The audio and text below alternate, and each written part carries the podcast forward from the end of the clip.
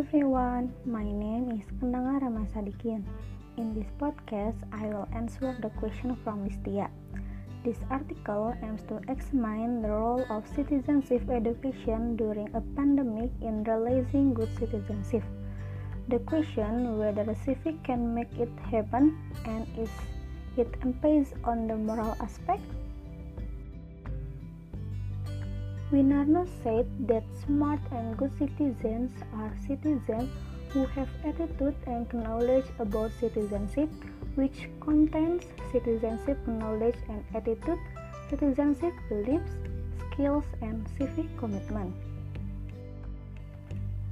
Clarifying the role of citizenship education is very necessary in conditions where Indonesia is experiencing the COVID 19 pandemic because citizenship education has a scope that includes national unity, norms, laws, and regulation.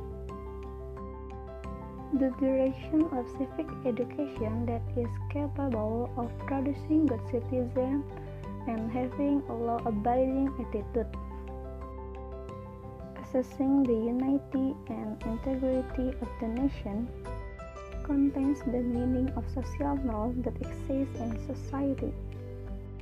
Civic teachers have a very significant role shaping student behavior as a society and citizen, the cultural value of the nation, and involvement in responsibility in maintaining national resilience.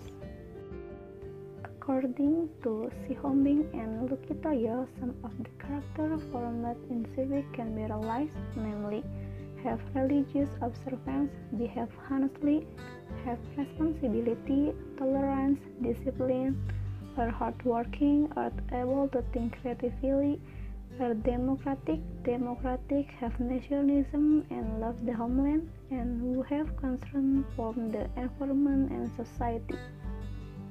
Tian Chi and Chia Chen stated that civic education is a major and important component in develop holistic education. And the purpose of civic education is to implement responsibility based on knowledge and skills. That's all I can say. Thank you.